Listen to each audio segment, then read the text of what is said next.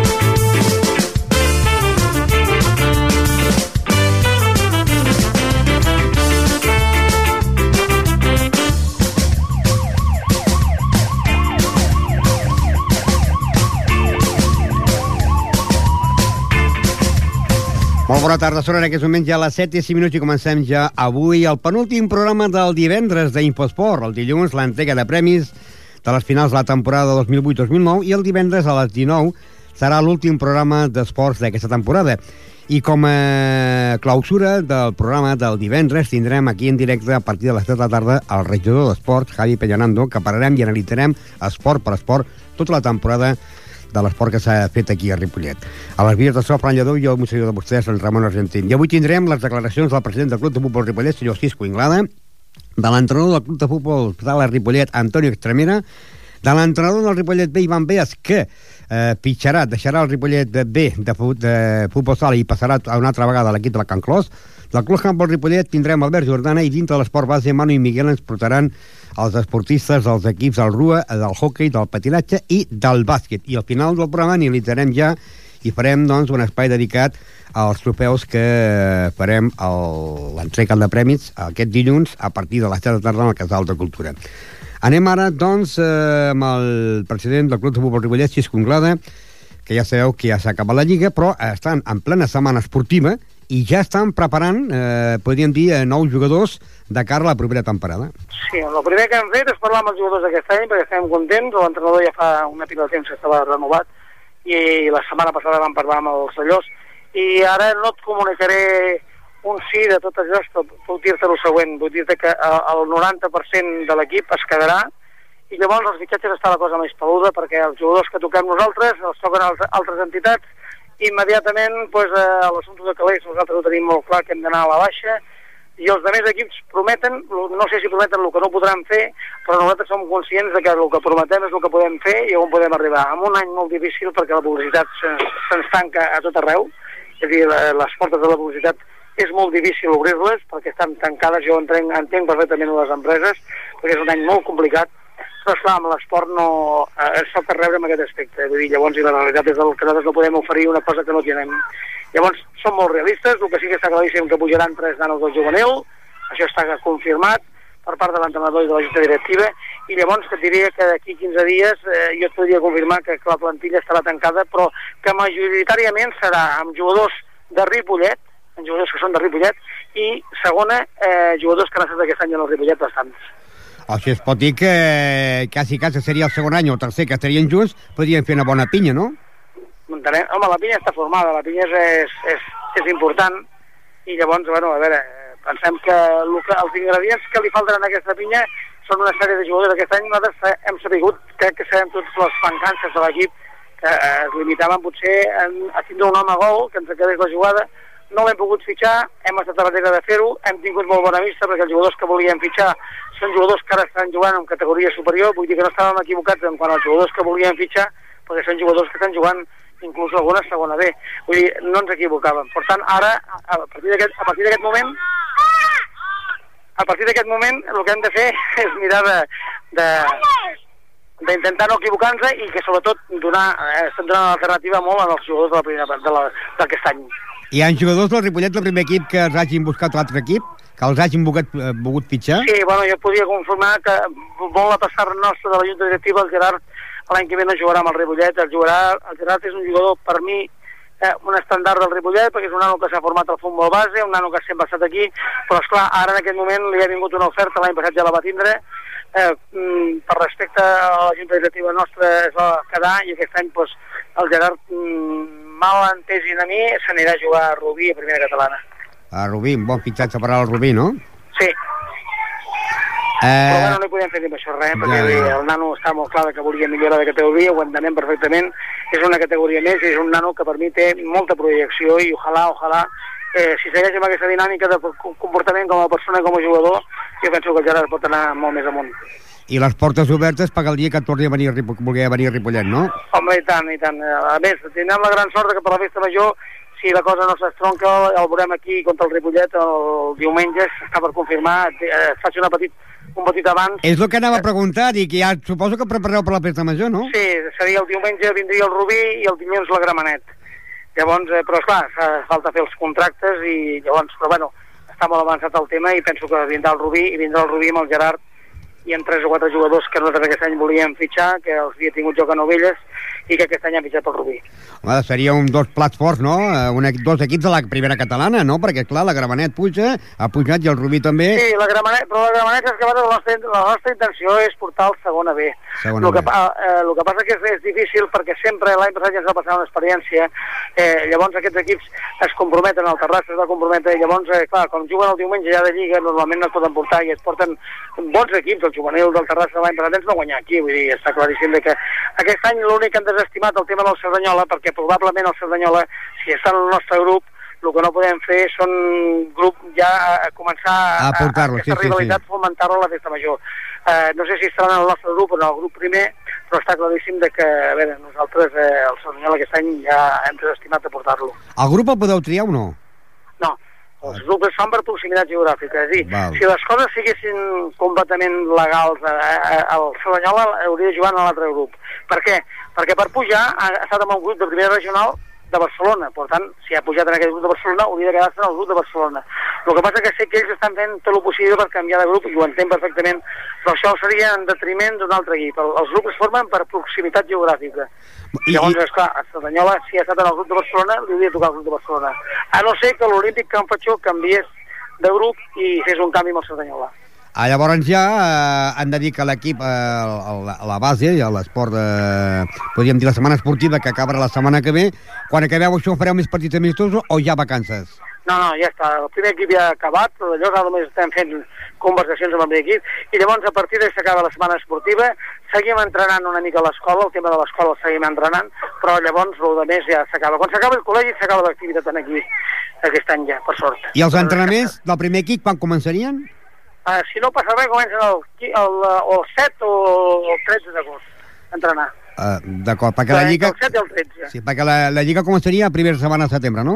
La primera o la segona setmana de setembre. No sé si l'11 de setembre cau uh. -huh. en dissabte, que l'any que ve, aquest any, Sí. i llavors començaria el 12, suposo que començaria el 12 de, de setembre. Molt bé, doncs ara només queda que el dilluns que ve, dilluns que ve, sobre aquesta hora, bueno, aquesta Sí. hora ja haurem començat, L'entrega eh, de- l'entrega de premis que, doncs, eh, serà pel Club Futbol Ripollet per Eduardo Marrón Aguilera, Sí. amb eh, 12 gols. Jo crec que, bueno, faré el possible perquè l'Edu estigui allà i si no pogués estar per qualsevol motius laborals o qualsevol cosa, ja hi hauria algun membre de la Junta per rebre el trofeig. Doncs ens veurem el proper dilluns a partir de les 7 de la tarda. Molt bé. Futbol, futbol. Les paraules de Xisco Noguera, president del Club de Futbol Ripollet, que ja veieu estan acabant aquesta setmana la setmana esportiva i ja preparant doncs, les vacances i també preparant la propera temporada amb nous fitxatges i el jugador Gerard del Ripollet doncs, que ha fitxat pel Rubí per jugar a la primera divisió catalana.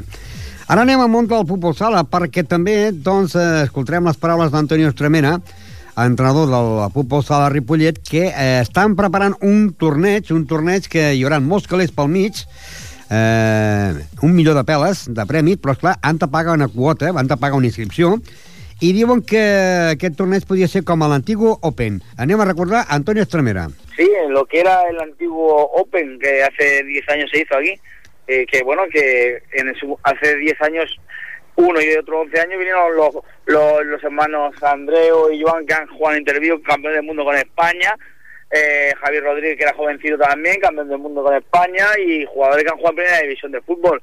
Y vinieron jugadores muy buenos de división de plata y jugadores que han terminado jugando en división de honor. Y bueno, sí, y parece ser que si todo va bien, que esperemos que sí, ya veremos, ahora ya apuntado 12 equipos. 12 Queremos llegar a equipos? 32, Sí, Dos- queremos ah. llegar a 32, si no, pues no podemos hacer el torneo el primer fin de semana de julio, que sería bien ese domingo, pero esperamos que sí, ¿eh?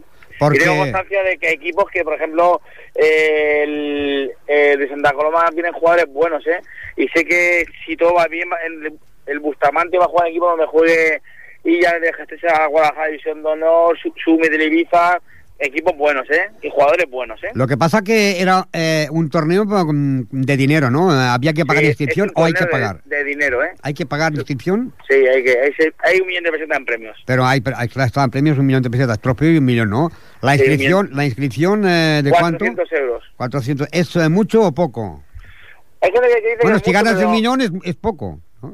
Bueno, es que mínimo va a jugar cuatro partidos. Mm, sale a 100 euros por...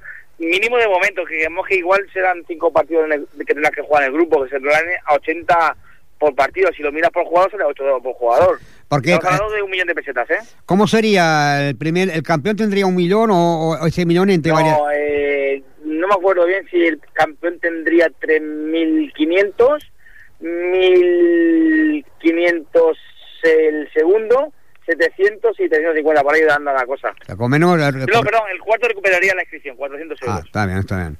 Y por lo menos estos dos equipos son equipos de calidad de la Primera Nacional o no? Sí, sí, de, de, de Primera Nacional, jugador de división de plata y te digo, y jugador de división de honor, ¿eh? Y alguno que caerá todavía. Y entonces estos bueno- serían un montón de partidos, ¿no? Que se jugarían las dos pistas o solamente en la pista de En las dos pistas y viernes, sábados y domingos. Todo, todo el día y toda la noche. Todo esto, eh, mm, pues lo hace el club para recaudar dinero porque también pues, se montaría cuando, ¿sabes? Cuando en boxeo se monta una barra de bar, Sí. pues una barra de bar para el club, para todo eso, para poder sacar dinero de cara a la temporada que viene. Porque ya, ve- ya vemos cómo está la cosa, que el San Vicentí, después de muchos años, ha desaparecido. La, la compra la plaza el premia. El San Vicentí, que, que estaba en vuestro grupo. El San Vicentí que estaba en tu grupo ha desaparecido, Ramón.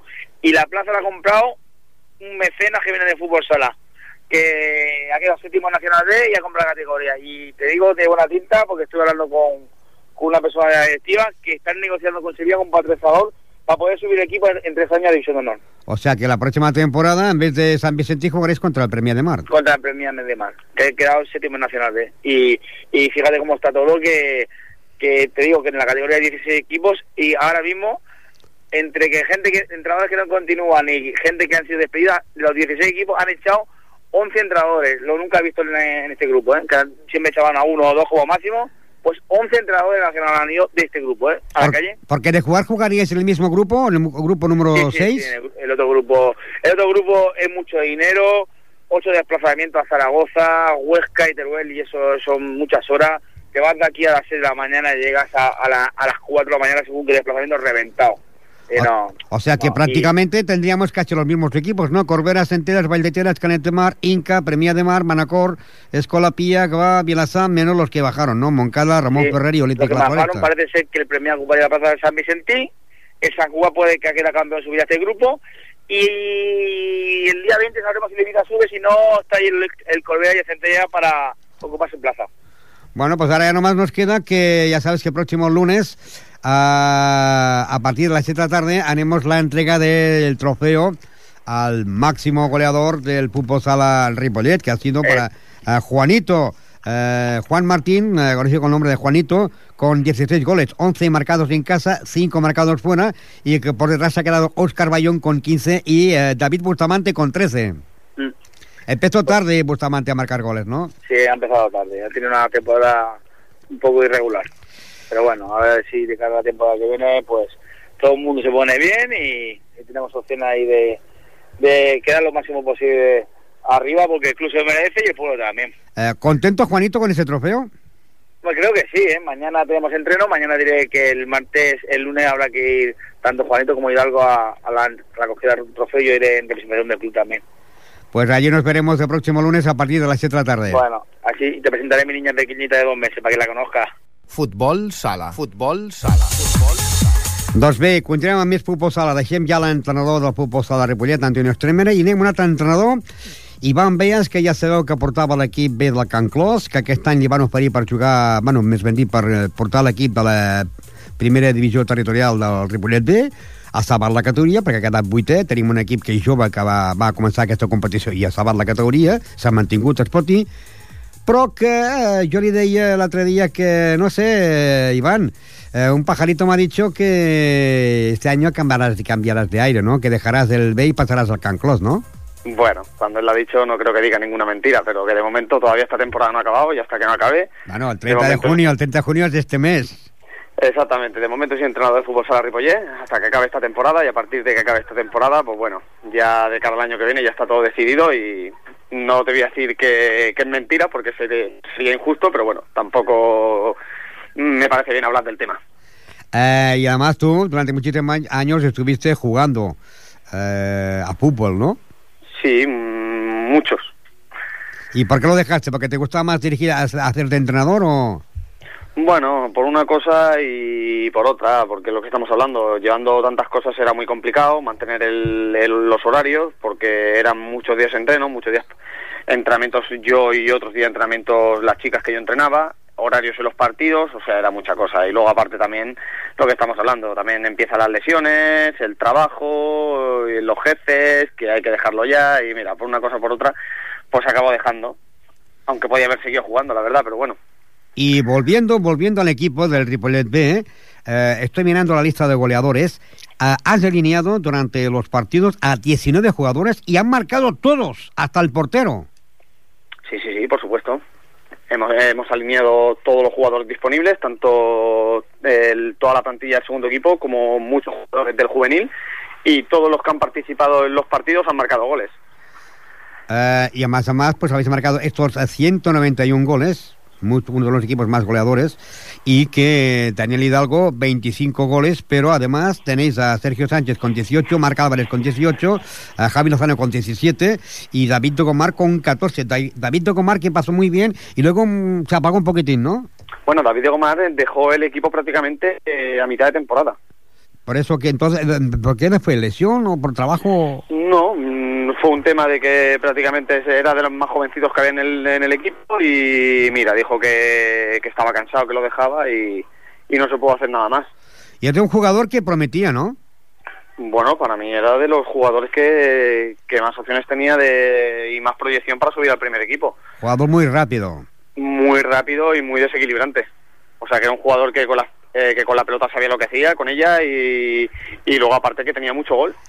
De estos jugadores, eh, José Abril, Cristian, Carlos Delgado, Daniel Hidalgo, Sergio Sánchez, Mar Álvarez, David Serra, Javier Lozano, Ezequiel, Ismael García, David, eh, Mar Piló, Jonathan Sánchez, Mar Martí, Luis eh, Pina, Sergio Denias, otro Sergio Ibáñez. De estos jugadores, eh, 19 que han marcado todos los goles, ¿hay algún jugador que algún equipo te haya dicho, yo, este jugador me lo llevaría yo a jugar a Liga Nacional? Pues de nuestra categoría, sí, hablando entre entrenadores, sí, más de uno sí que me han comentado que hay unos cuantos jugadores que sí que eran aprovechables. Lo único que, claro, a mí lo que me interesa es sacar jugadores para el primer equipo, no jugadores para llevarlos a otro lado. Pero bueno, sí que sí, que más de un equipo sí que lo ha comentado. Lo único que prácticamente todos los equipos con los que hemos jugado eh, éramos de los equipos más jovencitos. Había dos o tres filiales y éramos el equipo más joven que había en la categoría. ¿Y de, de esos jugadores se van a quedar todos para la próxima temporada? ¿O es bueno, pronto? eso ya, eso ya volviendo al mismo tema, yo ya no soy tampoco el que decidiré, porque al- la temporada que viene no estar en el equipo tampoco, tampoco sé si se quedarán todos o si, o si habrá una limpieza. Eso ya dependerá del nuevo entrenador. Lo que sí te veré el próximo lunes a partir de las 7 de la tarde con el jugador Dani Hidalgo para recoger el trofeo de máximo goleador de. ¿Cuándo has dicho que Ramón? El próximo lunes, día ¿El próximo lunes? Sí, a las, Sí. a las 7 de la tarde. Pues eso no hay ningún problema. Todos los años lo, lo hemos hecho y este no va a ser el único que no vayamos a faltar. Pues te espero con eh, Daniel, ah, Daniel Hidalgo. ¿Sabes si podrá venir él? Yo creo que sí. Yo, yo hablé con él, me dijo que en teoría no habría ningún problema, el único problema que podía haber era de trabajo, pero cuando le dije que era a las 7 de la tarde, él dijo, dice, yo creo que no, no habrá ningún problema. Y a las malas, y mira, si, pues si hubiera que salir un pelín antes, saldría un pelín antes del trabajo. Pero en teoría yo se lo comunicaré mañana, que es el próximo lunes, y en principio no habrá ningún problema, así que vendrá a recogerlo. Hockey, hockey, hockey. I ara anirem, doncs, amb el Club Hockey Ripollet, que serà l'únic equip que encara li queden dues jornades per acabar la competició. Encara, bueno, queden tres jornades, el que passa que aquesta setmana tenen jornada de descans. Els partits serien Setmanat contra la Salle Bonanova, el Mataró contra la Garriga, el Tona contra el Prat, el Mollet contra el Vic, el Barcino contra el Voltregà, i descansarien Tordera, Roda, Congrés i Ripollet. Ja llavors quedaria ja l'última jornada, l'última jornada que seria Canet Roda, la Salle Congrés, la Garriga Setmanat, Prat Mataró, Vic Tordera, descansarien Tordera, Voltregà i Barcino, i el Ripollet tindria que jugar a- l'últim partit a casa seva contra el Mollet del Vallès. I llavors encara li quedaria un partit aplaçat a la pista de la Salle Bonanova.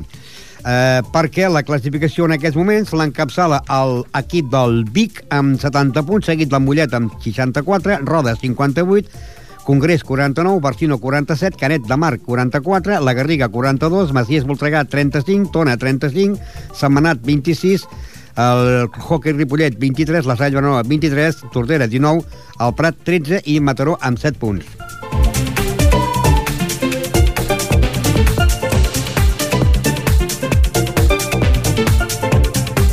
I, clar, el dilluns fem l'entrega de premis als màxims golejadors i tenim un dubte perquè no sabem a qui li entregarem els trofeig perquè la cosa encara, eh, com que falten dues jornades per acabar la Lliga, tant se'l pot endur Ferran Jové, que ara porta 19 gols marcats, com Didac Jiménez, que en porta 16, però és que l'altre dia el Didac va marcar eh, 4 gols seguits, per tant, a l'entrega de premis, que es farà aquest dilluns a partir de les 7 de la tarda, entregarem el trofeig al Club Hockey Ripollet, però l'entregarem simbòlicament i el guardarem eh, aquí a la ràdio perquè serà entregat aquest trofeig eh, quan comenci la Lliga la temporada que ve del Club Hockey Ripollet se li entregarà en el primer partit que se jugui a casa o bé en el Ferran Jové que ara porta 19 gols o, o en el Didac Jiménez que en porta 16 o en el Gerard Aran que en porta 14 que són els tres que poden obtenir aquest galardó perquè encara falten tres jornades per acabar la Lliga com dèiem i el Club Hockey Ripollet doncs encara no sabem qui és el que pot eh, obtenir aquest trofeig. Ara en aquests moments el Club Hockey Ripollet doncs, porta un total de 23 punts, ocupa la plaça número, número 11, eh, pot, pot estar inclús a passar la plaça número 13 si guanya la Salla Bonanova i si guanya el Tordera, però hem d'esperar que el Ripollet guanyi eh, com a mínim els dos partits que li queden. Un serà difícil perquè jugarà a casa contra el Mollet, que el Mollet és segon de la Lliga i llavors quedaria al camp de la Salla Bonanova que ocupa la plaça número 12 i està empatats amb el Ripollet. Un club hockey Ripollet que ha marcat un total de 87 gols, eh, 39 gols a casa, 48 a fora i en contra en porta 102 i en aquests moments el seu màxim realitzador és Ferran Jové amb 19 gols, 9 gols marcats a casa i 10 a fora. Amb vol, amb vol. I ara més eh, esports, en aquest cas anem a parlar del món del handball i tenim que ja sabeu que s'ha acabat la Lliga, també pel Club Handball Ripollet, s'ha acabat la Copa pel Club Handball Ripollet i també s'ha acabat la Lliga i la Copa.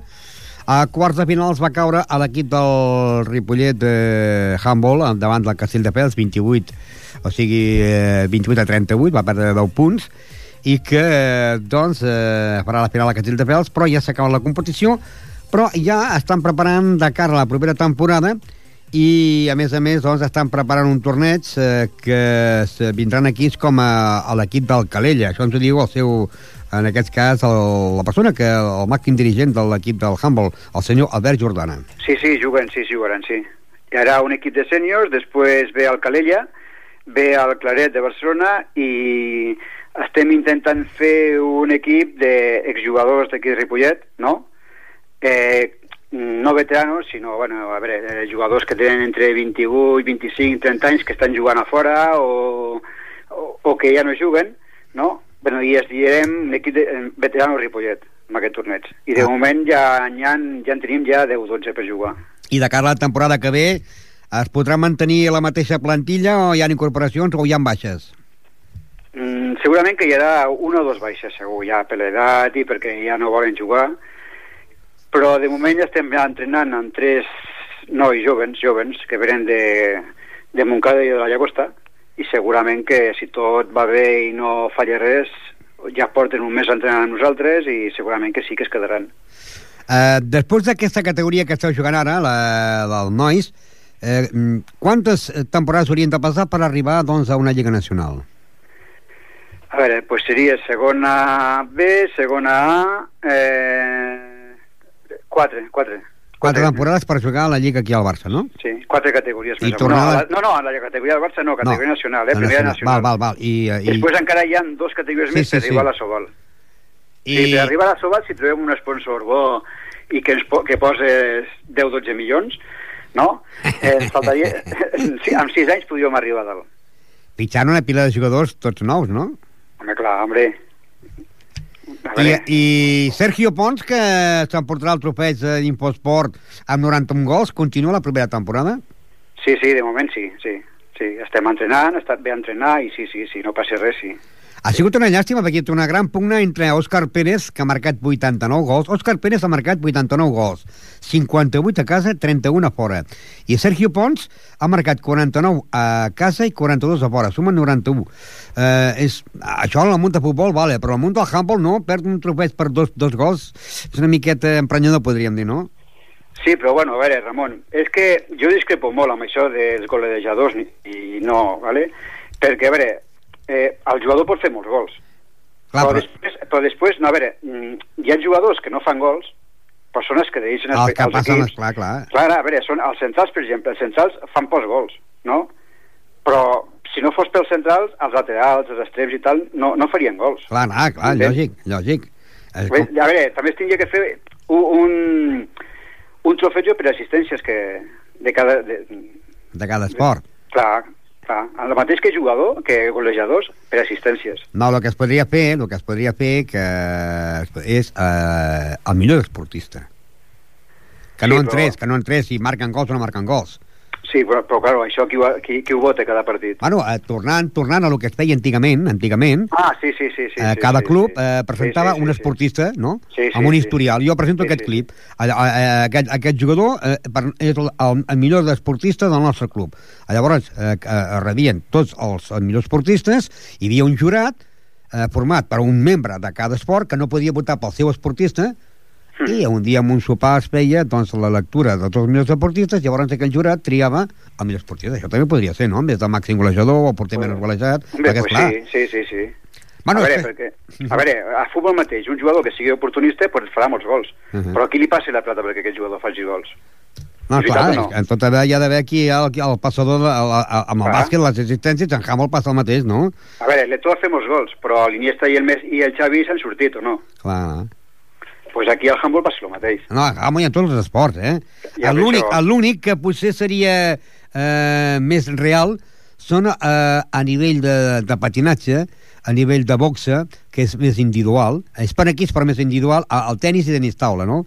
La victòria d'un de, de, d'un i de l'altre fa que l'equip guanyi, però clar, qui, qui està guanyant en aquell moment el, el, en el contrincant és el, el jugador, no? Eh, potser eh, seria cosa d'estudiar-ho, no? El que sí, eh, estem segur que el proper dilluns estaràs aquí present doncs, perquè el senyor Sergio Pons se pugui agafar la, el trofeig d'Infosport. Sí, sí, aquí estarem, tranquil, que aquí estarem, aquí es veurem. Tenis taula. Tenis taula. I continuem, ja hem de dir que també el tenis sala Ripollet, doncs eh, les competicions han acabat i no han acabat, han, han acabat les lligues nacionals, però ara venen doncs les classificacions i els tops i els campionats d'Espanya perquè eh, aquesta setmana, eh, el dissabte i el diumenge, dia 14 de juny, han d'estar en el pavelló municipal d'Olot, que està situat a la República Argentina eh, sense número a eh, Olot. Eh, començarà a l'inici a les 10 del matí, el divendres dia 5, que és avui, doncs a les 6 de la tarda, el dissabte al matí a les 10 i el diumenge a les 10, el top català, on van els 12 millors jugadors de Catalunya, i entre els 12 millors de Catalunya hi ha doncs, 6 jugadors del Club Tenis Taula Ripollet. Quatre nois eh, que militen al Sandaco Ripollet i dues noies, com són, de Finca Ripollet, com són eh, Júlia López i Laura Chirita, i per part dels nois del Ripollet, eh, Andy Frey, Carl Frey, eh, Martí Berenguer i Sergio Ortega, que són els jugadors del Club Tenis Taula eh, Sandaco Ripollet, que estaran presents en aquest, eh, aquest top on van els 12 millors jugadors de Catalunya. Hem de dir que, a més a més, a més a més, ja s'estan preparant perquè a finals d'aquest mes, del 30 al 6, estaran a Gran Canària, a Gran Canària disputant els campionats d'Espanya de la categoria Aleví i Benjamí a Gran Canària, on hi haurà representació del Club Tenis Taula Ripollet, tant de l'equip masculí com de l'equip femení. Primer estaran aquest top d'Olot i llavors, a final d'aquest mes, viatjaran cap a Gran Canària per jugar als campionats d'Espanya i esperem que com cada any facin pòdium. Bàsquet. Bàsquet. Bàsquet. I anem ara amb bàsquet, perquè el Club Bàsquet Ripollet doncs, busca jugadors eh, per l'equip cadet. Eh, les jugadores amb 12 anys o més d'experiència en aquest esport poden incorporar-se a l'equip femení de, de l'entitat esportiva. El Club Bàsquet Ripollet vol reforçar el seu equip de cadet femení. Per fer-ho necessita jugadores i per això ha fet una crida a totes les noies i jugadores d'aquest esport que tinguin un mínim de 12 anys perquè s'incorporin a la disciplina del club amb l'ensini del bàsquet ripolletenc. La crida s'adreça especialment a les noies de, en aquest curs que han jugat a la, que han deixat la competició de bàsquet escolar de la categoria Leví la continuació dels estudis als instituts fa que la majoria dels casos les jugadores hagin abandonat la pràctica del bàsquet o vegin obligades a marxar fora del poble.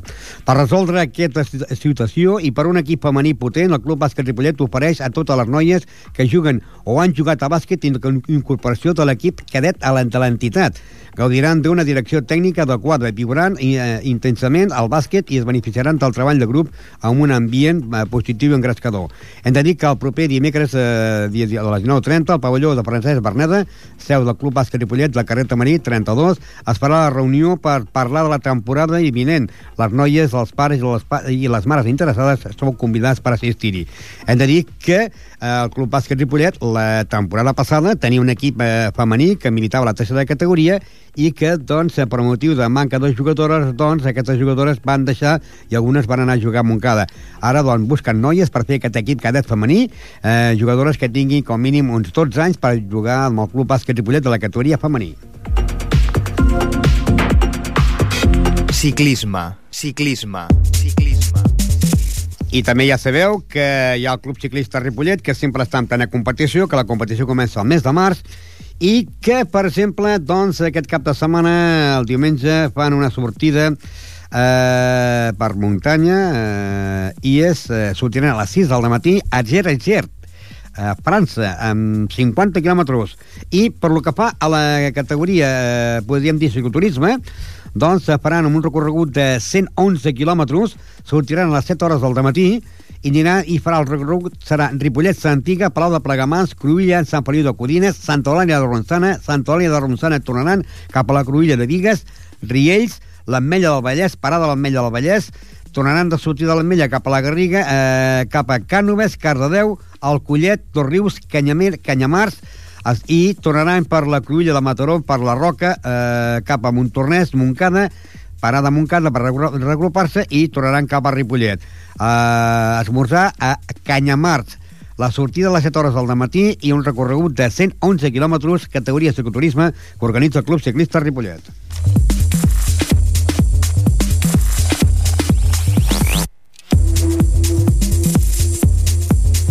I ara anirem, com sempre, doncs, a dedicar al món de l'esport base i per això doncs, avui eh, és l'últim programa de l'esport base que presentem eh, Manu i Miguel. I avui tindrem els protagonistes eh, de quatre clubs. Anem pel primer. Hola, buenas tardes Ramón. Hoy continuaremos lo que empezamos la semana pasada. Seguiremos escuchando las opiniones de las diferentes entidades deportivas de Ripollet para que nos den su valoración de la temporada y lo que piensan en un futuro a corto plazo. Nuestros protagonistas de hoy son la Rúa, el hockey, el patinaje artístico y el básquet. Empezaremos por la Rúa. La valoración la hizo el vicepresidente Jaume Domingo. Este valora la temporada como muy buena y destaca a dos atletas por encima del resto, que son Iván Roera i Sònia Manyes. Ah, penso que ha sigut una molt bona temporada pel Rua. Uh, bàsicament hem aconseguit els èxits uh, que esperàvem a primers de temporada i bueno, s'ha d'acabar d'avaluar. Hi ha alguna categoria o alguna persona destacat? Sí, bàsicament tenim dues persones, l'Ivan Rovera i la, i la Sònia Manyes.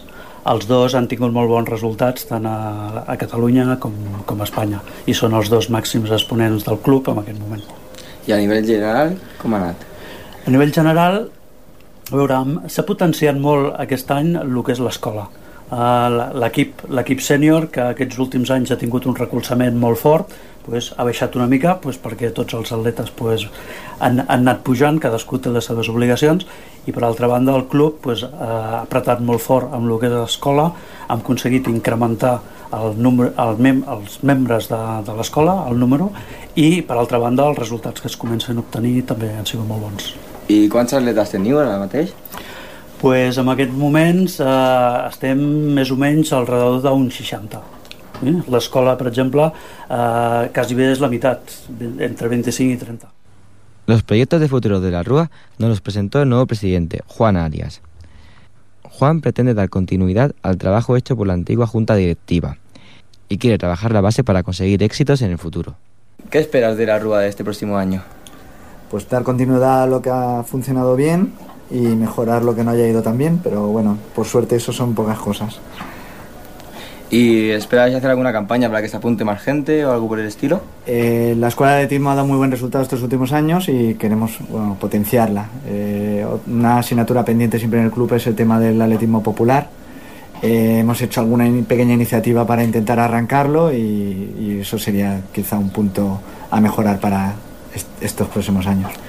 Yo creo que trabajando el, deporte base mm, los éxitos en el futuro llegarán, con lo cual nos centramos en crear una fuerte estructura en la escuela de atletismo y que esos atletas sean los que poco a poco vayan creciendo y vayan incrementando el número de atletas en las diferentes categorías. Como decía Jauma, pues el equipo senior este año está un poquito, un poquito más flojo, pero bueno, a la larga los, los, niños que actualmente están en la escuela de atletismo esperemos que acaben siendo un, un gran y potente equipo, equipo senior en el futuro.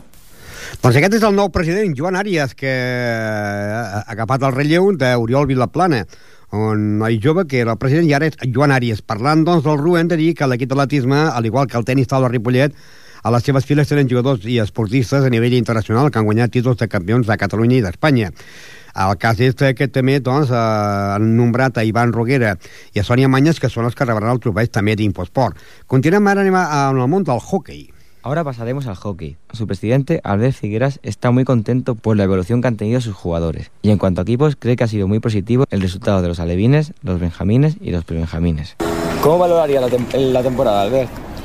Pues eh, aunque aún no ha finalizado en todas las categorías, eh, la valoraría bastante positiva, sobre todo en, en, alevines que van a llegar a finales, en los benjamines que han estado a punto de llegar a las finales de Cataluña y los prebenjamines de primer año y los que son de segundo año han hecho una temporada bastante decente y muy buena por ser algunos de primer año y la temporada en sí ha ido muy bien. Algún equipo empezó un poco más flojo, pero a medida que fue pasando la temporada ha acabado estando entre los 5 o 8 primeros y la, en todas las categorías los equipos han quedado bastante bien. Se ha habido un progreso importante en la sí, base, ¿no? Sí, ha habido un progreso bastante importante y además se ha notado la evolución de, de los primeros meses que empezaron un poco, sobre todo los que empezaron, y estos han ido evolucionando y a partir de enero, después de fiestas y navidades, los críos han hecho un cambio y bueno, han ido para arriba y los equipos han estado muy bien. ¿Ha habido algún equipo que haya sorprendido el resultado? Eh, ha habido algún equipo que ha sorprendido, pero no por bien, sino por mal. Pensábamos que el Benjamina este año podía haber llegado a las finales de Cataluña. La intención era esta. De hecho, se clasificaron como tercer mejor equipo, pero luego por problemas burocráticos de federación no entraron en el sorteo y y nos, nos, ha perjudicado un poco. Esperábamos que estuvieran allí, que hubieran hecho un buen papel en los campeonatos de Cataluña con todos los, los ocho mejores equipos de Cataluña, pero al final, por problemas burocráticos, como he dicho antes, no han podido entrar y ha sido un, la sorpresa, pero un poco de decepción. ¿no?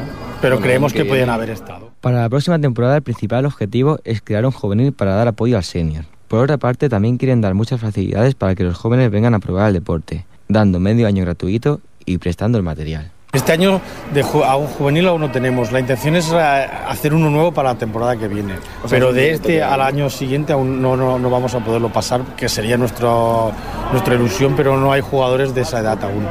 Y esperamos formarlo este año y cara al septiembre a ver si podemos tener un juvenil que nos sirva para apoyo para el senior y así el año que viene pues juveniles que puedan ayudar a- al equipo senior. Sería un proyecto para el año que viene. entonces. Sería un proyecto para el año que viene. Estamos en negociaciones, mira- mirando jugadores, buscando situaciones nuevas, sobre todo pista. Y si tenemos la suerte de poderlo montar, pues el año que viene tendremos un juvenil. Y en cuanto a promoción, para que venga gente que me has comentado, para- tanto como para juvenil como para más pequeños, ¿ha- ¿habéis pensado algún tipo de promoción por colegios o por...? Para los mayores eh, realmente lo que se hace es fichar o hablar con gente que ha sido de aquí o gente que es de aquí o gente que está fuera. Esto sería para el tema de juveniles que son los mayores. Para tema base no, la tema base vamos por colegios, damos dípticos, hacemos promoción de pues todo el año o medio año gratuito, damos todo el material, eh, patines, stick, guantes, lo prestamos, vamos más que darlo, lo prestamos y cuando ellos deciden quedarse o seguir o cambiar eh, de material porque ya quieren el suyo propio, entonces nos lo devuelven y nosotros devolvemos una paga señal que nos dan, pero en principio no pagan cuota, no pagan material y así se inician. Y yo siempre les comento lo mismo, que se queden o no se queden, al final eh, el niño después de seis meses sale patinando perfectamente de aquí, cosa que ya es un logro o ya es algo bueno para los críos y todo eso que ganan. Si luego encima se quedan jugando a hockey y se, eh, se alienían con otros equipos y los rellenan o forman un equipo nuevo, pues mucho mejor para el hockey. Pero si no es el caso porque no les gusta o porque no se adaptan, el patinaje lo habrán aprendido perfectamente y salen... aprende rápido. Claro, sí, en seis meses a patinar aprenden. ¿Y se quedan muchos niños de estos que vienen a probar?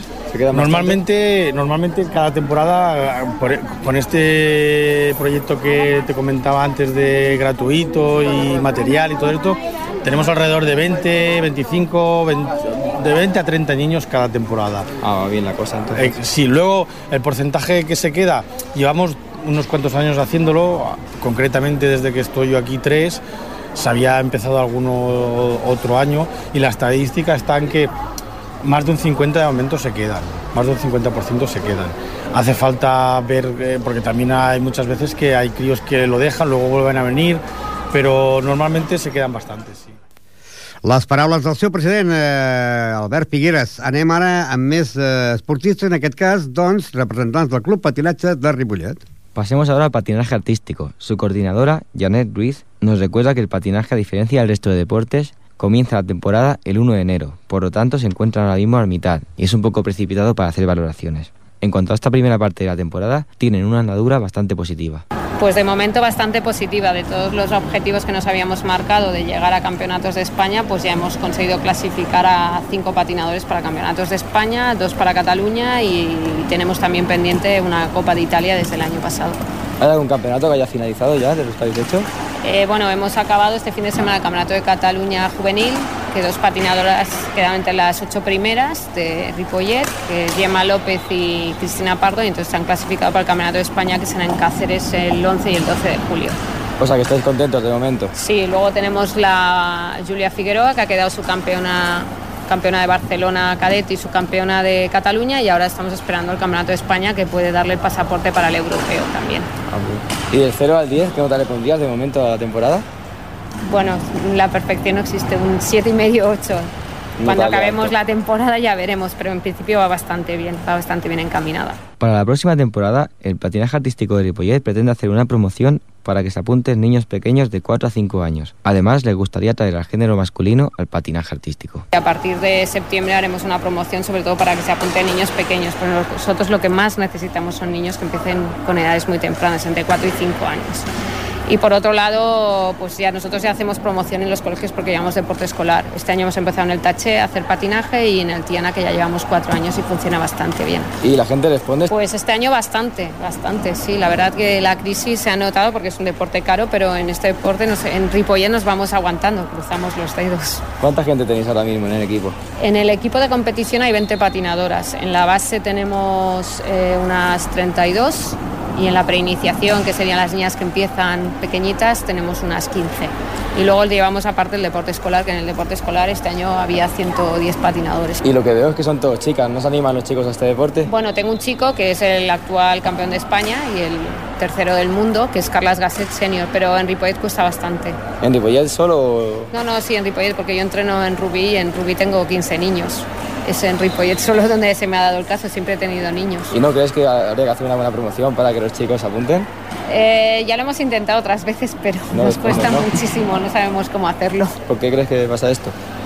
Primero porque es un pueblo que tiene muchísimo deporte, entonces Mm. tiene una amplia gama de deportes, no es como otras entidades. Luego que el deporte escolar está muy bien enfocado desde, la, desde el patronato, entonces muchos niños pues ya cuentan en el tenis taula, en el básquet o en el hockey o, en el fútbol sala o el handball ya su espacio.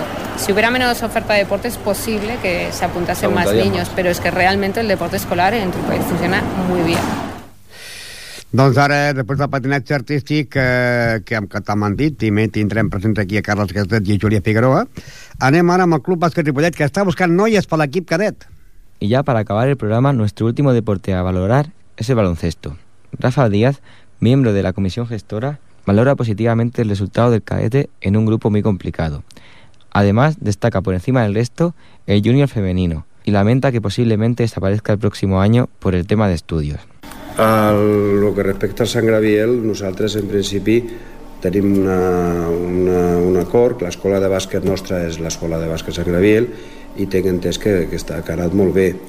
En referència al, al, cadet, fem, al cadet A del, del Ripollet, que és un Ripollet Sant Graviel, aquest cadet està jugant aquesta temporada amb una, a, a territorial, a una, a una lliga molt, molt forta i han sortit honrosament, sota el meu punt de vista, han sortit honrosament dintre de la, de la competitivitat d'aquesta lliga, d'aquest nivell.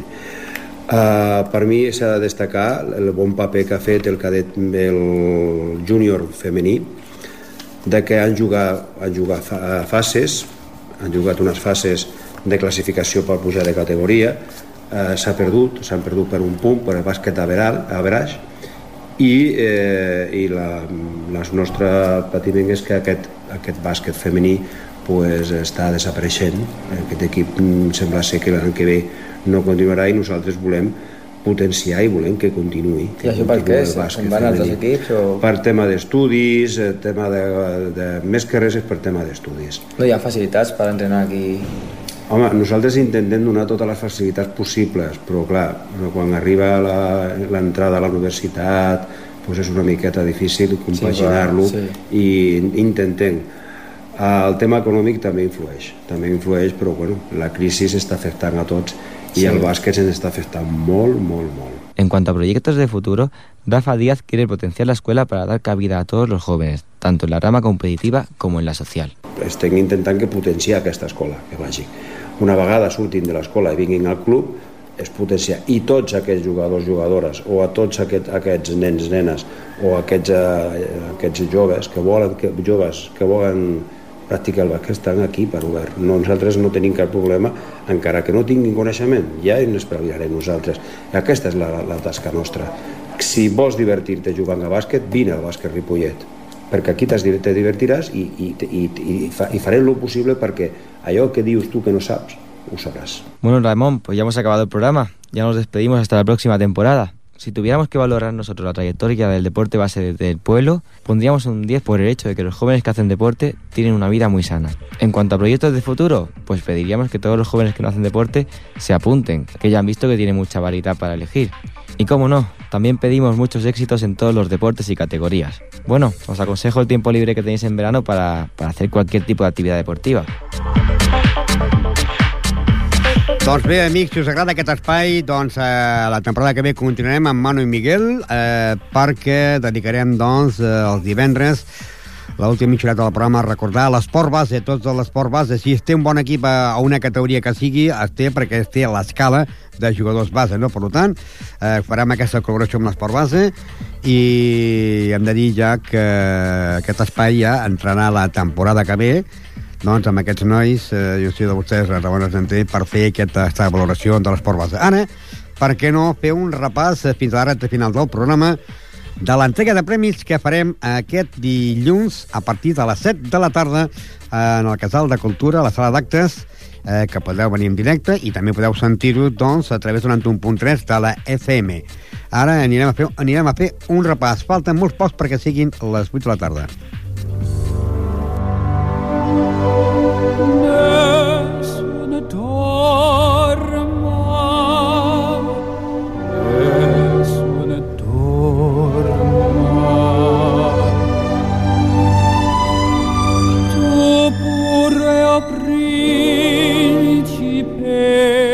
Doncs bé, amics, començarem aquest eh, dilluns a partir de les 7 de la tarda per fer l'entrega de 28, tro 28 trofeus a tots els esportistes de Ripollet, els equips sèniors que seguim, no equips infantils, ni equips juvenils, ni equips de l'esport base, els primers equips eh, representatius. I aquells esports de la categoria individual, doncs fem l'equip masculí i l'equip femení.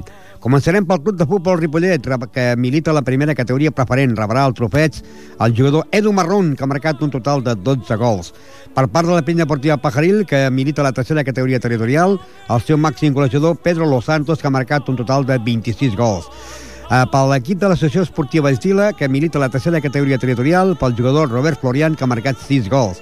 Per la categoria de uh, futbol femení de la Deput, uh, la jugadora Blanca Martín, que ha marcat 18 gols. Continuem amb més golejadors perquè pel futbol sala primera divisió de la Lliga Nacional pel jugador Juan Martín amb 16 gols, mentre que pel futbol sala Ripollet a la categoria B eh, primera preferent, el seu màxim eh, realitzador, Daniel Hidalgo, amb 25 gols.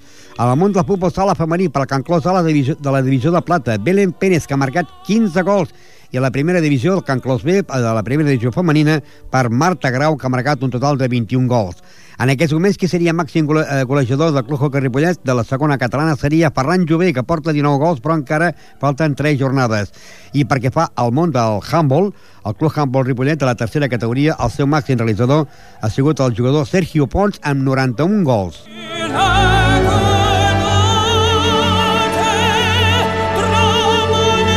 Ara anirem, doncs, per els màxims anotadors. Els màxims anotadors en el món del bàsquet de la Copa Catalunya, primera categoria, Club Bàsquet Ripollet, Carles Cobo, amb un total de 476 punts.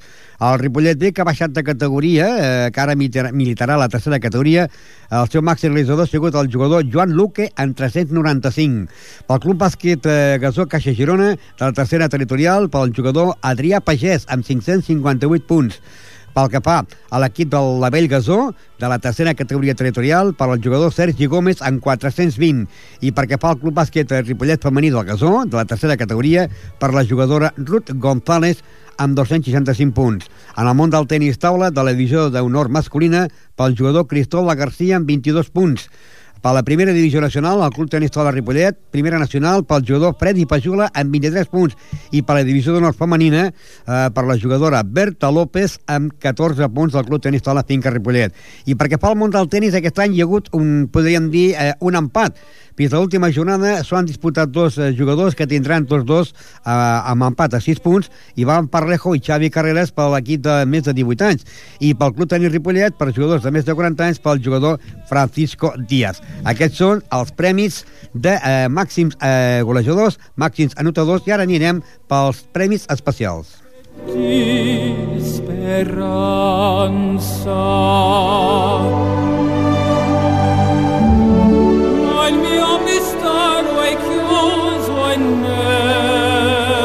I els premis especials són, per exemple, doncs, tots aquells jugadors, aquells atletes, aquells esportistes que no marquen gols, que no fan punts, ni jugant a bàsquet, ni jugant a tennis, ni marcant gols, i són pel RUA.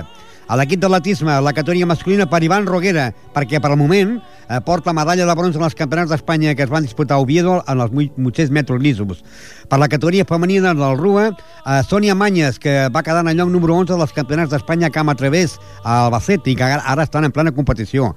Perquè fa el món del patinatge artístic de Ripollet, per la categoria masculina, a Carles Gasset, medalla de bronze en el campionat del món de Xina.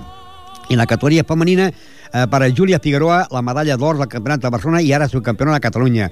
Perquè pel Club eh, Boxeo Ripollet, a la categoria pes mig, per Miguel Tàpia com a campió de Catalunya del pes mig. Pel, tam també fa el Club Bàsquet Ripollet de la categoria cadet a Bartovil per medalla de plata a la categoria de cadet com a subcampió d'Espanya de Catalunya. I el món del ciclisme, doncs, per la categoria cicloturisme, per Josep Verdaguer, per la travessia dels Pirineus, per la marxa dels Alps al Mediterrani francès. Eh, també ja sabeu que ara fa pocs dies eh, José María Guerrero va quedar campió de Catalunya i aquesta sèrie ja entraria de cara a la propera temporada perquè ja estaven programats els premis pel Club Bàsquet Ripollet, ai, pel Club Boxeo Ripollet. Aquests 28 trofeus s'entregaran, doncs, el dilluns a partir de les 7 de la tarda. Adéu-siau i bon cap de setmana.